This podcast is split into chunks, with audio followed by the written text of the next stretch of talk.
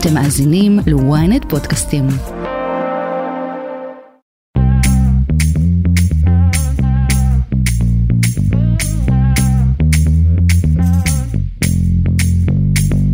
שלום לכם, אתם שוב איתנו על כסף חדש, הפודקאסט הכלכלי היומי של ynet, היום יום רביעי 2 באוגוסט, ואתמול התבשרנו על מכה לזכאים לביטוח סעודי בקופות החולים, שיקבלו פחות כסף בכל חודש. כדי להבין איך הגענו לכאן ומה אפשר לעשות בהמשך, נדבר עם ממלאת מקום מנכ"לית הביטוח הלאומי. אם באמת רוצים לדאוג לכל אזרחי ישראל לביטוח סיעודי ברמה מספקת, יכול להיות שכן, נכון להעלות את דמי הביטוח. בהמשך ננסה להבין האם באמת יותר ישראלים מצמידים בתקופה האחרונה את החסכונות שלהם למדדים המובילים בוול סטריט.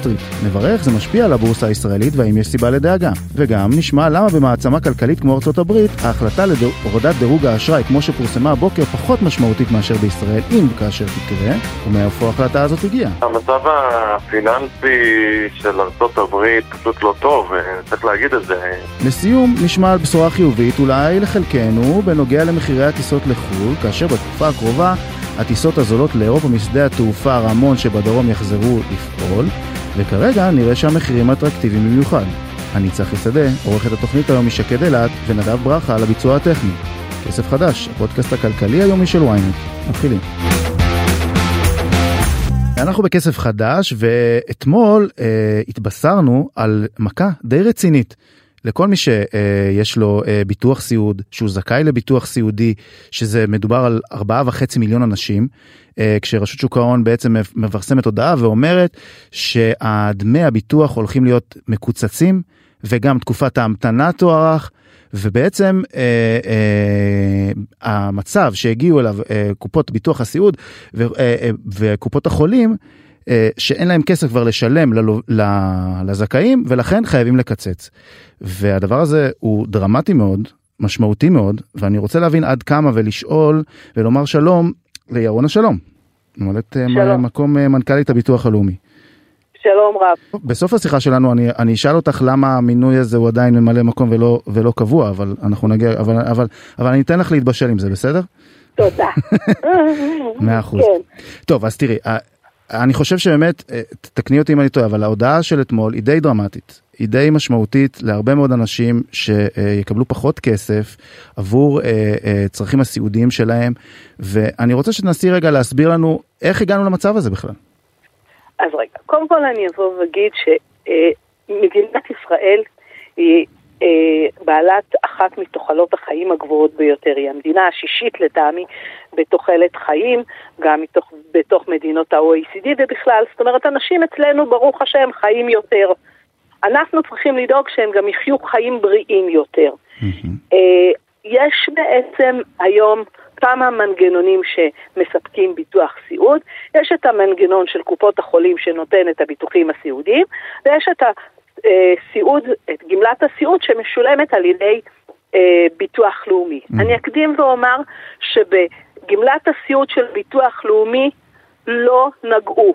לא נגעו, אני מקווה שגם לא ייגעו, ניסו לגוע אמנם בחוק ההסדרים, אבל לא אפשרנו את זה, והיום יותר מתמיד זה מראה כמה זה היה חשוב שנלחמנו להשאיר את קצבת הסיעוד אה, בביטוח לאומי כמו שהיא. מה שקרה זה עם העלייה במספר האזרחים הוותיקים, מטבע הדברים ההוצאה על הביטוח הסיעודי הולכת וגדלה. כמו שהיא הולכת וגדלה בביטוח לאומי, ככה היא הולכת וגדלה גם בביטוחים הפרטיים ובביטוחים של קופות החולים. כלומר, יש לנו הזמן... גם יותר תביעות בעצם במהלך השנים. בוודאי שיש, יש יותר תביעות, יש יותר קשישים.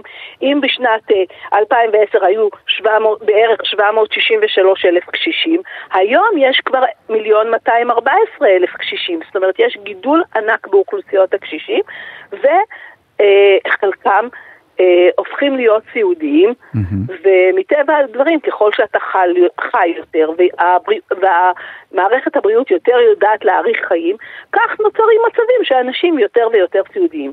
Mm-hmm. וכאן אני רוצה לה, להסביר את החשיבות של הגמלת סיעוד בביטוח לאומי. כיום גמלת הסיעוד בביטוח לאומי בעצם ניתנת לכל מי שזכאי, ואנחנו כרגע נותנים אותה לכל האנשים שזכאים לפי רמת הזכאות שלהם, יש שש רמות זכאות בסיעוד בביטוח לאומי.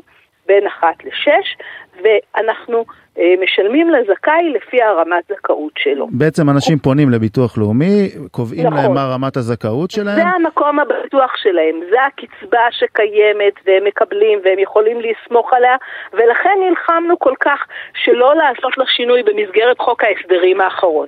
מה שקורה זה שאנשים פעמים רבות רוכשים ביטוח נוסף דרך קופות החולים וזה ביטוח נוסף שהם דרכו מקבלים אה, אה, קצבה סיעודית במקרה שהם אה, אה, זכאים לה, לתקופה מסוימת, בסכום מסוים.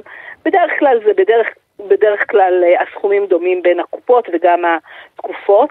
חשוב לציין מה? רק, אני, אני אעצור אותך ואציין שהקצבה שמקבלים מביטוח לאומי היא לא מספיקה באמת כדי אה, אה, ל- ל- בדיוק. ל- לספ- לממן אה, עובד סיעודי למי שצריך את זה.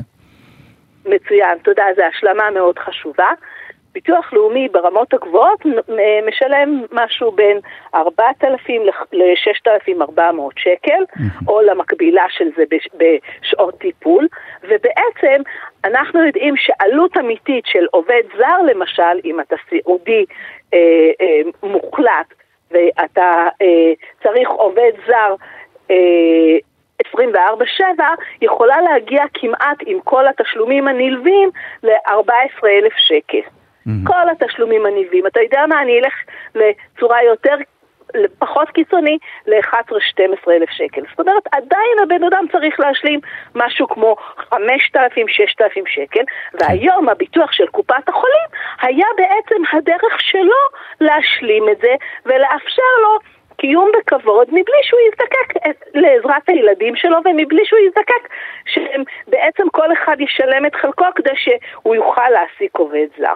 עכשיו בעצם בוא, בוא, בוא ניגע רק בעניין של התשלום, האנשים ששילמו בעצם, הרי ביטוח לאומי כמובן זה משהו שבכל מקרה גובים אה, אה, במס הבריאות, אה, מה... מה לא, מה- לא, בביטוח לאומי זה לא מס הבריאות, בביטוח לאומי כל מי שמשלמים דמי ביטוח לאומי, כן, ובעצם ביטוח- כל ביטוח מי שהוא הלאומי, תושב כן. ישראל ועונה להגדרות החוק זכאי לגמלת סיעוד. ללא קשר אם הוא שילם ביטוח בריאות, לא שילם ביטוח בריאות, אין קשר בין מס הבריאות לביטוח, כן, למרות שלא שואלים אותנו אם נשלם גם את המס בריאות, כמובן כל הדברים יורדים, נכון, מי ששכיר נכון, כמובן משלם נכון. את הדברים האלה. מכניסת ביטוח בריאות חובה, הפך מה- התשלום של דמי ביטוח בריאות לדמי ביטוח בריאות חובה. אוקיי, ואז בעצם קופות החולים מציעות לנו, אם את, אה, לא כל אחד, לא, מי ש, לא חייבים, מי שרוצה, לא, מי יכול שרוצה דרך לשלם. המשלים, המושלם או הפלטינום. סכומים של, ב- אני חושב, ב- תלוי בגיל כמובן, עד 80 נכון, שקלים, אה, נכון, משהו כזה. נכון. עכשיו, נכון. עכשיו באמת מה שאמרו לנו, במה שאומרים ברשות שוק ההון, ואומרים כבר uh, כמה שנים, שהמצב הגיע לזה שאין מספיק כסף uh, uh, בקופות החולים, בעיקר בקופת חולים כללית, לפי מה שאני uh, מבין, לשלם באמת את, ה, את uh, מה שיצטרכו לשלם לאנשים, ולכן הם בעצם uh, הם מחליטים עבור קופות החולים שהם ישלמו פחות. נאלצים לקצץ את גובה הקצבה וגם את תקופת ההמתנה, זאת אומרת את הזמן שממתינים לקצבה. כן, שזה כמובן אנחנו נפריד ונגיד שיש מי שעושה ביטוח פרטי שהוא לא קשור לקופות החולים ויש כאלה, זה לא קשור לדבר ו... אה, נכון, אה, ו- אני רק אגיד מקרה- שבשנים האחרונות יש קושי רב וחברות הביטוח לא ששות לעשות ביטוחים Mm. פרטיים בנושא סיעוד מאותה סיבה שהעלויות של לא זה משתלם. הן יקר- העלויות הן יקרות, האוכלוסייה, תוחלת החיים שלה גבוהה ומספר הקשישים עולה וגדל וה... אה, אגב, אחת הטענות, אני באמת, יש פה אחד- סיכון. אחת הטענות ש, שאומרים, שבאמת, כמו שאת אומרת, הרי בעצם, אם את בביטוח לאומי קובעת למישהו רמה מסוימת, אז גם בקופות החולים הם צריכים לשלם למי שיש אה, ביטוח סיעודי, צריכים לשלם לפי הקביעה שלך, נכון? לפי בעצם... משהו דומה, כן, תראה, לא יכול להיות שאני אקבע נגיד שהוא סיעודי קשה והם יקבעו שהוא סיעודי מאוד קל, זה לא סביר. אז- אבל זה בדרך כלל צריך להיות בהתאמה ובקורלציה. אבל אני אחת חייבת הטענות להגיד, שעלו, אבל אני רק באמת אתן לך להגיב, אה, אחת הטענות שעלו שבעצם באמת במהלך השנים, בוא נגיד שהתנאים הוקלו בביטוח לאומי לקבלת אה, אה, את התביעה, ואז בעצם נהיו יותר תביעות ויותר, זאת אומרת, מאשימים גם אתכם בסיפור הזה. תראה, בגדול אפשר להגיד שבאמת ב-2018 חלה הרפורמה שהגדילה את מספר הרמות בסיעוד משלוש לשש ובאמת אפשרה להכניס אה, קבוצה נוספת של אנשים בתנאים מסוימים, אבל ברמות הגבוהות בין 4 ל-6 יש סך הכל אה, 43 אחוז מקבלים, אוקיי? זאת אומרת שאנחנו רואים שהאנשים שבאמת זקוקים לקצבת הסיעוד הם 43% מכלל המקבלים. נכון שחלה עלייה במספר המקבלים בסיעוד, אבל גם חלה עלייה דרסטית במספר הקשישים. אז הקלנו את התנאים, הפכנו אותם, היו עלינו ביקורות מאוד קשות, שאנשים שהיו זכאים לקבל לא קיבלו, כי אנחנו אה, אה, הטלנו קשיים, הרמנו קשיים. כן, תמיד יש את הצד השני כמובן, שיכולים להגיד, נכון. אנשים צריכים את הכסף הזה, לא, זה, אולי קודם היה, התנאים היו באמת יותר נוקשים, ודווקא היו צריכים... כנראה שהתנאים היו מאוד מחמירים וקשים, היום התנאים הם יותר קלים, אבל עדיין פה בשביל לקבל קצבת סיעוד ברמה 2, אתה, אה, זה חלק מהאנשים שהם סובלים בדימנציה קלה, חלקם עיוורים, נכון. חלקם אה, אה, חלו בסרטן. בוא נגיד שזה לא שאנשים רצים, קופצים ושרים ומקבלים גמלת סיעוד גם נכון. היום, בסדר? יכול להיות שהכניסה היא קצת יותר קלה, אבל בגדול, עדיין הבדיקות, אנחנו בהחלט מקיימים את הבדיקות. טוב, אז עכשיו אני רוצה באמת להגיע לנושא של הפתרון. איך אנחנו עכשיו במצב מסוים, שבאמת הגענו אליו אחרי הרבה מאוד שנים, וזה לא, לא משהו חדש, ידעו שזה הולך לכיוון הזה, ואגב, גם היו ניסיונות אה, אה, שהביטוח הלאומי גם היה חלק מהם, ו, ו, ו, וחברי כנסת, ואפילו שר האוצר הנוכחי בצלאל סמוטריץ' עם הצעת חוק ב-2017, שרצו שיהיה חוק סיעוד ביטוח סיעוד ממלכתי, שבעצם הכל יהיה בביטוח לאומי, יקבלו בדיוק את מה שאת אומרת, הבסיס הזה, יעלו את דמי הביטוח. אה, למשהו שהוא גבוה יותר ממה שמשלמים היום, כדי שיוכלו לקבל את כל הדבר הזה שם, ולא, ולא תהיה את הבעיה הזאת של קופות החולים. את חושבת שזה הפתרון? תראה, קודם כל אני אגיד ש... היתרון של הביטוח הלאומי, שהוא יתרון שעובד ללא מנגנון של רווח ובאמת דואג לטובת המבוטחים והאזרחים שלו. זה לא חברות פרטיות שדואגות אה, לשורת הרווח שלהם, אלא זה באמת, אה, אנחנו קובעים זכאות לפי מה שמגיע באמת לאדם. זה נקודה אחת חשובה.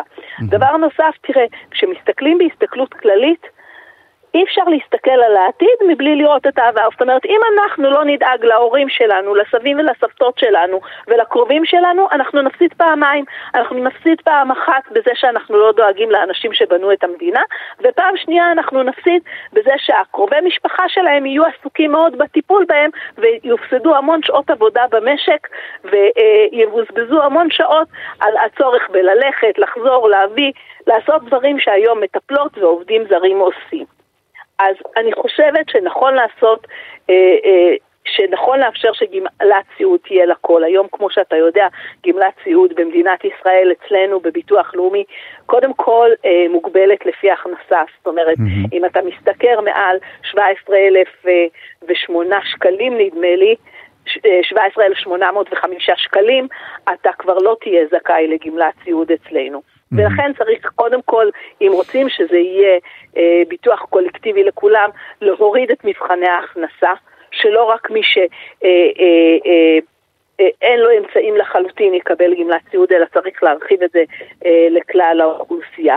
ויכול להיות שנכון אה, להעלות, אה, כן, להעלות באיזושהי צורה את ה... אה, דמי ביטוח או דמי ביטוח בריאות כדי לכסות את זה, כי תראה, ככל שהאוכלוסייה תעלה, ברור שייווצרו גירעונות. תראה, אנחנו צריכים לזכור גם שאנחנו לא, גם בביטוח הלאומי מדברים כבר שנים על הגירעון ועל מה נכון. הולך להיות פה ועל אה, זה שלא, זה, זה שלא יהיה כסף לשלם גם את זה. זה משהו שצריך להביא אותו בחשבון, מה שאנחנו רואים היום בקופות החולים, זה בהחלט אה, משהו שהוא דגל אדום, כי אנחנו צריכים לחשוב איך המדינה נערכת למצב שבו הפירמידה התהפכה, והיום יש לנו אה, יותר קשישים מילדים שנולדים, וצריך לראות איך אנחנו כמדינה גם ערוכים אה, מצד אחד להציע תוכניות שדוחקות תלות, מעודדות בריאות לאנשים שפורשים לפנסיה ומאפשרות להם אה, השתלבות טובה בקהילה ובחברה, ואם באמצעות כל מיני סוגי תעסוקה mm-hmm. מגוונים וכולי, ומצד שני לאפשר טיפול טוב לאנשים שזקוקים לנו בעת הכי קשה שלהם, כשהם אה, אה, הופכים להיות תלויים וסיעודיים. את אומרת, ו... מה, מה שאת אומרת בעצם זה שהמדינה צריכה להחליט, אם היא מדינת רווחה, שדואגת לאזרחיה בצורה אה, אה, שכמו שאולי אה, יש מי שיגיד שצריך, או שיגידו, חבר'ה זה עולה יותר מדי כסף, אנחנו לא יכולים לדאוג לכולם, אנחנו רוצים שהם יעשו ביטוחים פרטיים דווקא ולא יעשו, אתה יודע, זה עניין של החלטה, את חושבת שה... הממשלה של היום יכולה ללכת לכיוון של להעלות את דמי הביטוח ולדאוג לכולם בצורה כזאת? אני חושבת שבעיקרון מדינת ישראל צריכה לדאוג לתושביה. אנחנו מדינת רווחה, אנחנו רוצים להישאר מדינת רווחה, אנחנו לא רוצים להפוך למדינת צעד שהחלשים והקשישים תלויים בילדים שלהם או בטובות של אנשים אחרים. אם אנחנו רוצים להבטיח את זה, אנחנו צריכים לעשות חשיבה עתידית ולראות את כל הכלים שעומדים ברשותנו כדי להבטיח שהאנשים האלה יקבלו את מה שמגיע להם בזכות ולא בחסד, כי בזה תלוי כל הנושא של מדינת הרווחה.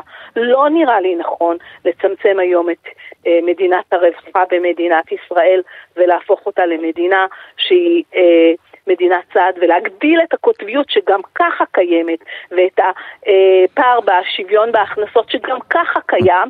ולהגדיל את אה, רמת העוני. אני רק אגיד בשולי הדברים שקצבת זקנה לא התעדכנה כבר שנים, לא עלתה כבר שנים רבות. בהחלט, זו אחת, ו... הביקורת, אחת הביקורות שיש אה, וזה, כבר כאן.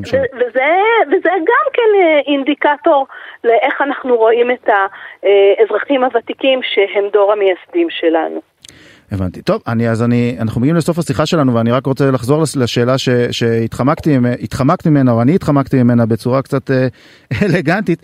את היום אה, אה, בתפקיד כמה זמן שאת מוגדרת ממלאת מקום? שמונה, חוד... שמונה חודשים. ו... שמונה ו... חודשים. ומתי יהיה מינוי קבוע? אני מניחה שבקרוב יפרסמו ועדת איתור ויהיה, ותהיה בחירה. ואני ש... בטוחה שהיא תהיה טובה. אני שואל את זה כי יש לא מעט אנשים היום בשירות הציבורי שנמצאים בתפקידים של ממלא מקום ודברים לא כל כך זזים. את חושבת שבצד שלך זה יזוז אני בקרוב? חושבת שכאן, אני חושבת שכאן uh, תהיה התקדמות בקרוב. ולא, ולא תהיה חזרה של uh, מי שהיה מנכ"ל הביטוח הלאומי הקודם? זה אני, אה, לאלוהים הפתרונות, אני לא נביא, אני רק uh, יודעת בנושאי ביטחון סוציאלי, לא חושבת בהחלט. שקיבלתי מינוי כנביאה. טוב תראי אז אה, אז כותרת אחת ממה שדיברנו יש לנו פה שאנחנו חושבים שאין ברירה אלא להעלות את, אה, את הביטוח הלאומי כדי לדאוג לביטוחי הסיעוד גם לא? תראה, יכול להיות שבאמת, אה, אני לא יודעת, צריך לחשוב על כל הצעדים הכלכליים, אבל יכול להיות שאם באמת רוצים לדאוג לכל אזרחי ישראל לביטוח סיעודי ברמה מספקת, יכול להיות שכן, נכון להעלות את דמי הביטוח, לא בטוחה שזה הכלי היחיד, אבל אה, אה, אין ספק שאם אתה מגדיל את, ה, את ההוצאה, אתה צריך גם להגדיל את ההכנסה. אני לא מכירה הרבה מקומות שההוצאה וההכנסה לא נפגשו, אבל יכול להיות שיש גם פתרונות אחרים. צריך לשבת ולחשוב ולראות איך, איך אה, נותנים, מציעים פתרון למצב, כי אני חושבת שחשוב שיהיו פתרונות לאוכלוסייה הזאת. בהחלט. ירונה שלום, ממלאת מקום, מנכ"לית הביטוח הלאומי. המון המון תודה על השיחה. תודה רבה, צהריים טובים, ביי. כסף חדש טוב, כסף חדש, ועכשיו אנחנו רוצים לדבר קצת על המצב אה, בשווקים, בארץ ובעולם. אה, כשבארץ אנחנו מתחילים לשמוע על כך שישראלים מעבירים 100% מההשקעות שלהם למדדים המובילים בוול סטריט, מוציאים למעשה את החסכונות שלהם אה, מישראל, ובעולם אנחנו מתבשרים היום על הורדת דירוג אשראי די מפתיעה בארצות הברית, ואני רוצה להתחיל דווקא מארצות של ארצות הברית ורוצה לומר שלום לאורי גרינפלד, הכלכלן הראשי של פסגות. אהלן. אהלן. טוב, אז בואו בוא נתחיל באמת מארצות הברית. אה, סוכנות הדירוג פיץ' הורידה את הדירוג אה, אה, של הכלכלה האמריקאית מהדירוג הגבוה ביותר שהיה לה, היה לה דירוג מושלם, נכון? של אה, triple A לדירוג השני הכי גבוה, אה, ונזכיר שישראל מדורגת שלוש רמות למטה אצלהם. זה מהלך מפתיע? אה, קודם כל לא מאוד, כי כבר במאי אה, פיץ' הורידה את אופק הדירוג, מה שאומר בעצם שהם שוקלים הורדת דירוג, אז זה כבר היה במאי. אה, ועכשיו בעצם אה, הגיעה הודעה רשמית על הורדת הדירוג. אה, מעבר לזה, המצב הפיננסי של ארצות הברית פשוט לא טוב, צריך להגיד את זה, כבר תקופה יחסית ארוכה. הסיבות שהם, הסיבות שהם מדברים עליהם זה בעצם הסיפור של תקרת החוב שהיה נכון, ההתנהלות שלהם עם תקרת החוב שהיה הרי סיפור שלם עם זה לפני כמה חודשים, תוכל באמת להרחיב על זה. בוא נגיד, נתחיל מזה שהממשלה האמריקאית מתנהלת כבר לא מעט שנים בגירעון מאוד גדול. עוד לפני הקורונה הגירעון הלך וגדל, בקורונה כמו בכל העולם, כמובן הממשלה הוציאה הרבה כסף, אבל כשבארצות הברית זה היה ממש על סטרואידים, תוכניות על תוכניות על תוכניות של הזרמת כסף לציבור. הדפסת כסף למעשה, כן. אבל בניגוד לרוב המדינות בעולם שאחרי הקורונה קצת חזרו בארצות הברית המשיכו עם לא מעט תוכניות אה, במדיניות של ביידן, אה, תוכניות של אה, העברת תשלומי העברה למשפחות, קשות יום, דמי העברה על כל ילד ועוד ועוד ועוד תוכניות שבסוף עולות מאות מיליארדים אם לא טריליונים לממשלה וממשלת ארה"ב מתנהלת היום עם גירעון בסיסי של בין 6 ל-7 אחוזים כל שנה וזה לא צפוי להשתנות בזמן הקרוב. הנושא של תקרת החוב, שאליו התייחסה פיץ', הוא בעצם הבעיה של הממשל האמריקאי לעשות איזשהו שינוי. כי יש לנו הרי בחירות עוד מעט, לא בעוד שנה וחצי, בנובמבר שנה הבאה. והיית יכול להגיד, אוקיי, אבל אחרי הבחירות האמריקאים יעשו מה שצריך והם יתחילו להתנהל בצמצום והם יתחילו להתנהל באחריות יותר. זה אולי אמרו את זה גם לפני הבחירות הקודמות. בדיוק, הבעיה בארצות הברית, בגלל שיט, השיטה שלהם, שיטה של תקרת החוב, שזו שיטה שהומצאה לפני המון המון שנים ואולי היא לא רלוונטית היום. כל פעם שמגיעים ל... לרמה של תקרת החוב, אז יש בעצם, אפשר להגיד, דו-קרב בין הדמוקרטים לרפובליקנים, והדו-קרב הזה חייב להסתיים בסוף בפשרה של שני הצדדים, כי אחרת תקרת החוב לא תועלה. והמשמעות היא שבעצם כבר שנים לא מקבלים הברית שום החלטה אה, פיסקלית, אמיתית, אה, רפורמות, שינויים לטווח ארוך, כי בסוף שני הצדדים לא מסוגלים לעשות מה, מה שהם חושבים לנכון, כל אחד והשיטה שלו. זאת אומרת, הם באמת הולכים לפתרון הקל של להדפיס עוד כסף. אה, זה, זה מה שקורה באמת במהלך השנים האחרונות, נכון?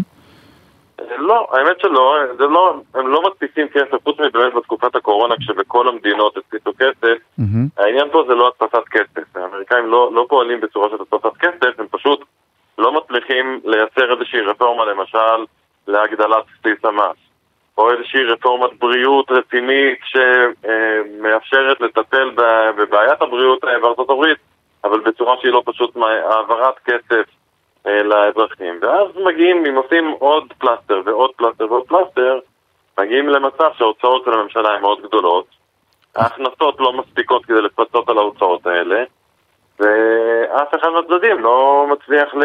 עכשיו, עכשיו בוא נלך רגע, בוא נלך רגע צעד קדימה. איך זה דבר, הורדת דירוג כזאת משפיעה על הסוכנויות האחרות, על, על מה ש... על אולי באמת ארה"ב תצטרך לשלם עכשיו יותר על החוב שלה? אז קודם כל מבחינת הסוכנויות האחרות, צריך להגיד, S&P כבר הורידה את הדירוג לארה"ב לפני, אני חושב, עשר שנים, אם אני לא טועה ב-2012. פיש עכשיו השלימה גם את המהלך, ומודי'ס כרגע לא, לא מדברת על זה. העניין הוא שבאמת כל מדינה אחרת, אתה יודע, היה לנו הרבה שיחות הרי גם בישראל על נושא הדירוג בחודשים האחרונים. כן, תכף נגיע בדיוק גם לזה, כי זה באמת משהו, איך זה, מש... איך זה קשור אלינו מאוד מעניין, אבל בוא תמשיך. בכל מדינה אחרת שהפחד מהורדת דירוג זה באמת שעלות החוב של הממשלה תעלה.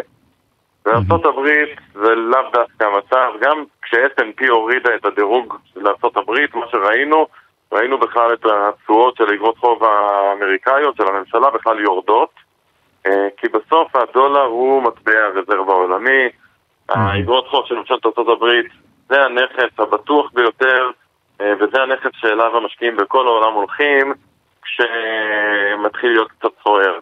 ולכן, בוא, צריך להגיד את זה, להודעה הזו של פיץ' אין באמת משמעות בטווח הקצר, mm-hmm. אולי אפילו גם בטווח הבינוני, לא מבחינת השווקים הפיננסיים, לא מבחינת הכלכלה.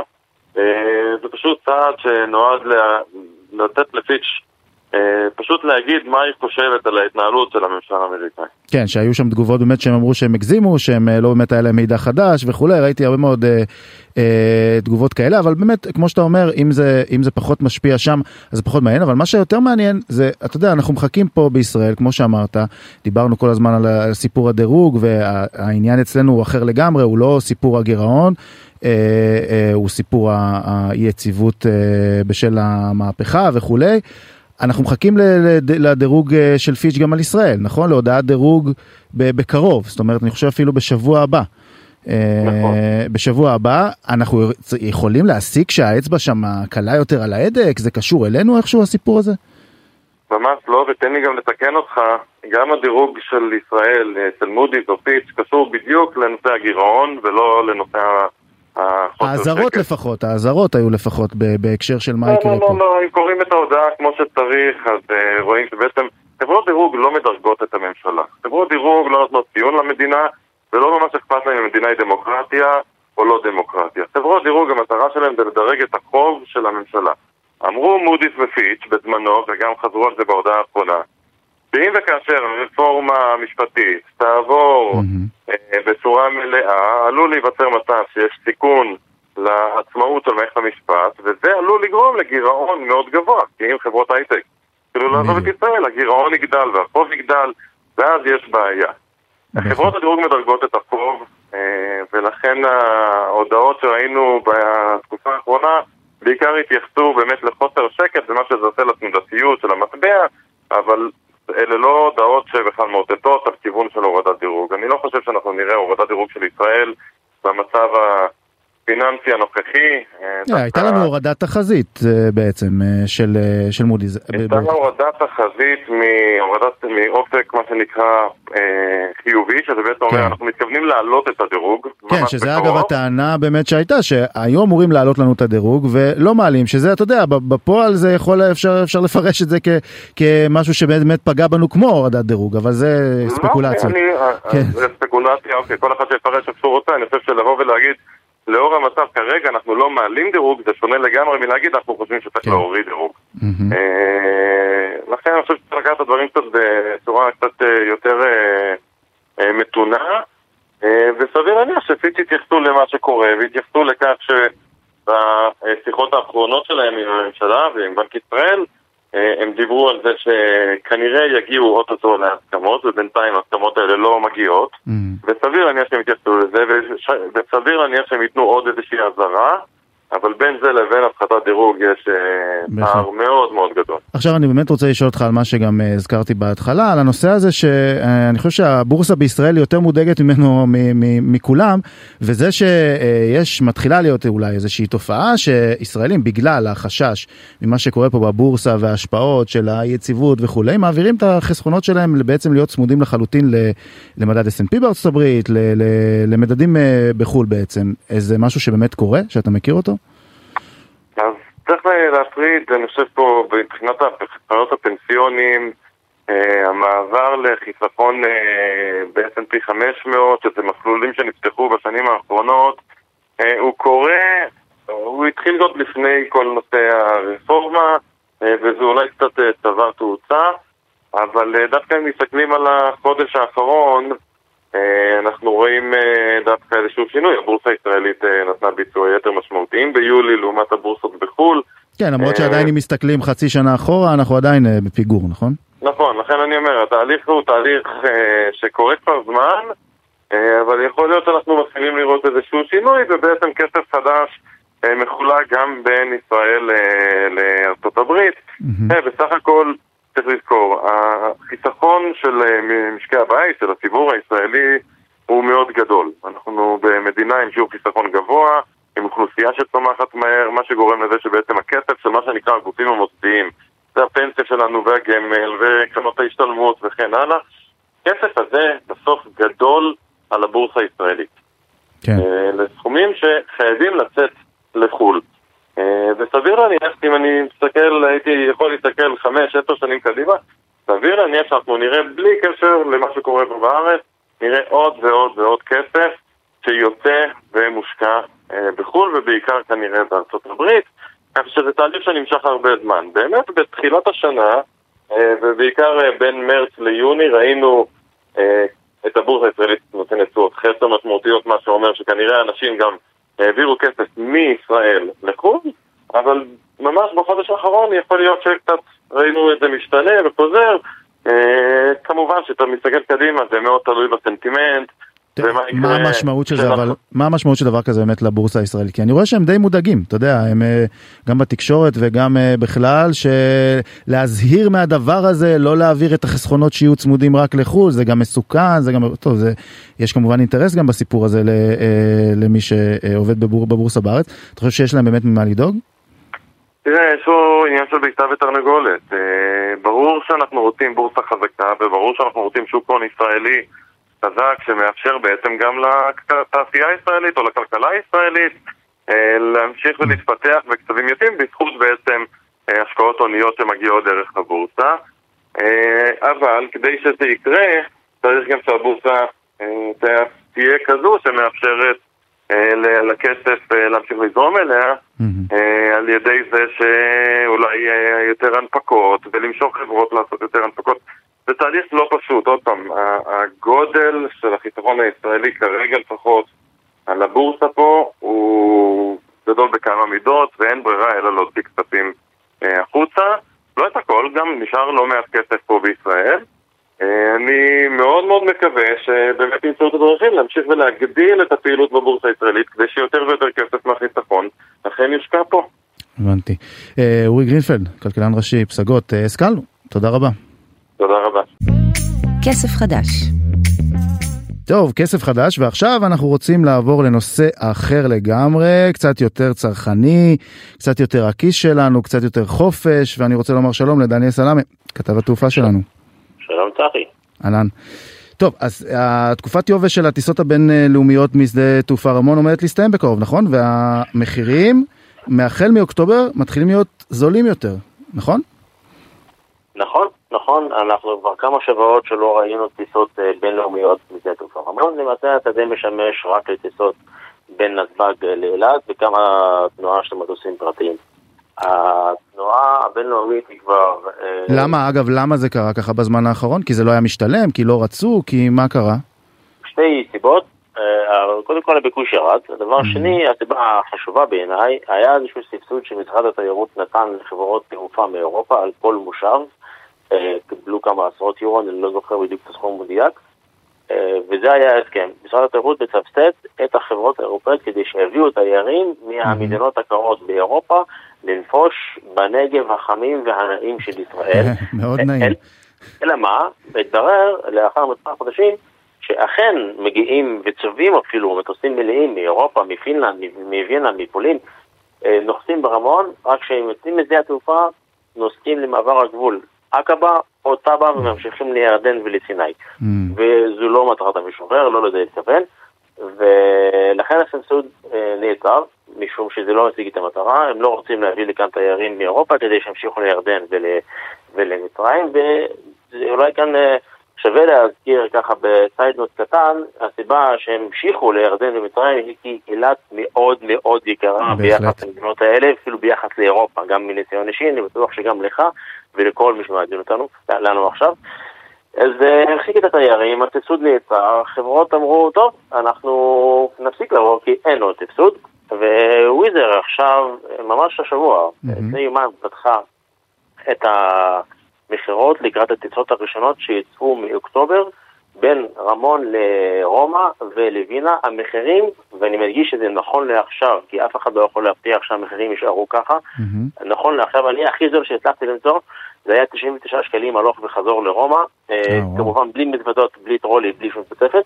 אם בכל זאת אתם רוצים להוסיף טרולי ומזוודה, אז המחיר הכי זול לרומא שהצלחתי למצוא באוקטובר זה 400 שקל לאדם הלוך ושוב עם מזוודה וטרולי, שזה עדיין מאוד יפה ומאוד זול. זה בעצם המחירים שאם אנחנו עכשיו, אם מישהו עכשיו מחפש להזמין, זה מה שהוא ישלם עכשיו, נכון?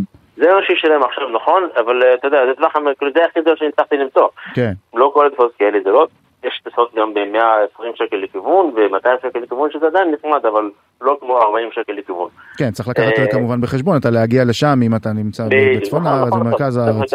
צריך לקחת בחשבון שההגיעה לשם היא לא פשוטה בכלל. אני מניח שתושבי הדרום יכולים ליהנות מזה יותר אבל כן כדאי כאן להזכיר שיש יתרונות מי שטס משדה התעופה רמון. קודם כל החניה שם חינם לאורך כל השהות. אין שום תשלום על החניה שם. שנמצאת בתוך שטח השדה זה לא איזה חניה ליד ואפשר להגיע רק שעתיים לפני הטיסה הבינלאומית, אין צורך להגיע יותר, כמובן שאין לך את העומסים והתורים הבלתי נגמרים בנתב"ג ואתה לא צריך לעמוד שעות בתור והכל שם עובר חלק. השאלה האם כדאי עכשיו לנסוע עד לרמון כדי לטוס בזול, לא יודע, אחד הצד החושבים שלא, אבל תדעו שהאופציה קיימת. כן, בהחלט. עכשיו תראה, בתחילת שבוע אנחנו דיברנו פה בפודקאסט על היוזמה של רכבת לאילת, שאפילו תוקצבה, והכלכלן שדיברנו איתו כאן טען בפרויקט שאין לו באמת היגיון כלכלי, והוא נתן דוגמה את שדה התעופה רמון, שהוא באמת, כמו שאמרת, הוא עומד שומם רוב הזמן, כי אין, לא מצליחים לייצר שם את, ה, את התנועה הזאת שצריך כדי שזה יצליח. אתה חושב שיש לזה כן איזושהי התנחלות? זה, זה כן יכול לקרות? הרכבת או לא, השדה תעופה, השדה תעופה. אני אומר, אה. בהקשר של הרכבת, זאת אומרת שזה, שגם שדה התעופה הוא לא קורה, הוא לא קורה. אז השאלה אם, מה קורה עם השדה הזה שנפתח כבר ב-2019 ולא באמת מתרומם כל כך? נכון, השדה, תראה, חשוב לציין, אה, כשהשדה נבנה, נזכיר ששדה תעופה באילת נסגר, וזה היה אמור להיות איזשהו פתרון לתושבי אילת, נכון. ומי שנסע, שזה היה נחמד מאוד, רק שהעניין הוא שהם בנו שדה שהוא הרבה הרבה הרבה יותר מתקדם מבחינת תשתית תעופה ממה שהיה אה, באילת. בכמה מובנים הוא אפילו יותר מתקדם מנתב"ג ויותר חדש מנתב"ג, כלומר אתה יכול להנחית שם איזה מטוס שאתה רוצה בעולם, כל תשתיות שאתה רוצה, הניווט, ההנחיה, הכל נמצא שם, הכל עובד פיקס, אה, אבל אין מי שיצוץ לשם. אה, נעשים מאמצים קדחתניים במשך כל השנה לנסות למשוך חברות תעופה, משרדי תיירות, מה שאתה רוצה.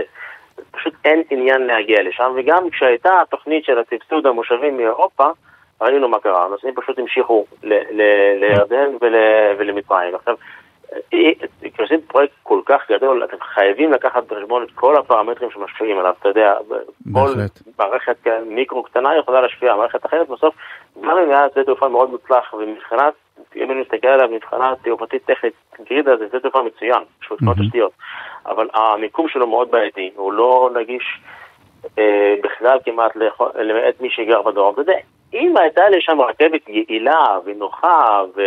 שהיית יכול לקחת אותה, נגיד אפילו מבאר שבע בצורה יחסית פשוטה, אז אולי היה מה לדבר. אבל אנחנו עוד לא ביפן, וכששם רכבת מטוקיו לאוסקה לוקחת לך שעתיים כן. וחצי על טווח של 500 קילומטרים, זה משהו שאני ואתה יכולים לחלום עליו. טוב, אולי מירי רגב תדאג לנו בסוף. אה, אמן, אני מאוד מאוד מאוד אשמח. כן, בהחלט. טוב, אה, רק לסיום, אני באמת רוצה לשאול אותך, אנחנו, אתה כותב בוויינט היום, שבנתב"ג נערכים כבר ל-2.8 מיליון נוסעים באוגוסט, כן. בטיסות של הקיץ, אז יהיה בלאגן? בלאגן אני לא צופה שיהיה, כן צפוי שיהיה עומסים, אבל נתב"ג שם, החבר'ה ברשות שדות התעופה נתנו טיפ חשוב ואני גם מאוד מחזק אותו. אם יש לכם טיסה, אל תגיעו לשדה יותר משלוש שעות לפני הטיסה, כי פשוט אין צורך. בקורונה, כל התורים הנוראיים שראינו זה היה כן. כי סגרו חצי קומה בגלל כל הבדיקות והקורונה. זה כבר לא קיים. אז אנשים עדיין, אתה יודע, חוששים, אומרים, לא, נבוא חמש שעות לפני ליתר ביטחון, ואז נתקעים בתורים, והדלפק עוד לא נפתח. אל תגיעו יותר משלוש שעות לפני, זה באמת מיותר, אין צורך. אה, תעזרו בסדלנות, יהיה תור, יהיה עומס, אבל אני לא צופה שיהיו בלאגנים כמו מה שזכו לנו לפני שנתיים, כי יאמר לזכותם שהם באמת הרחיבו את כל התשתיות שם, ובאמת נראה שהם נערכו לזה, גם מבחינת יותר כוח אדם. המחסור שהיה להם ב-2020 ו-2021 הצטמצם, לא בצורה מלאה, אבל בהחלט ניכר. טוב, אז אה, נסיים באמירה האופטימית הזאת, ואני אומר לך תודה. אה, דניאל סלאמה, כתב התעופה שלנו, תודה. תודה רבה, ושהטיסות יהיו כיפות כמה שיותר. בהחלט. טוב, אה, אז עד כאן כסף חדש להיום. אתם מוזמנים לעקוב אחרינו, באפליקציות כמובן. פשוט לחפש כסף חדש וללחוץ עוקב, וכך גם תקבלו התראה על כל תוכנית חדשה שעולה. אני רוצה לומר תודה לשקד אילת על העריכה, נדב ברכה על הביצוע הטכני. אני צחי שדה, ואנחנו נחזור אליכם בשבוע הבא עם החדשות הכלכליות המעניינות ועוד המון המון דברים שמשפיעים על הכיס של כולנו. עד אז, המון כסף חדש, סוף שבוע נעים.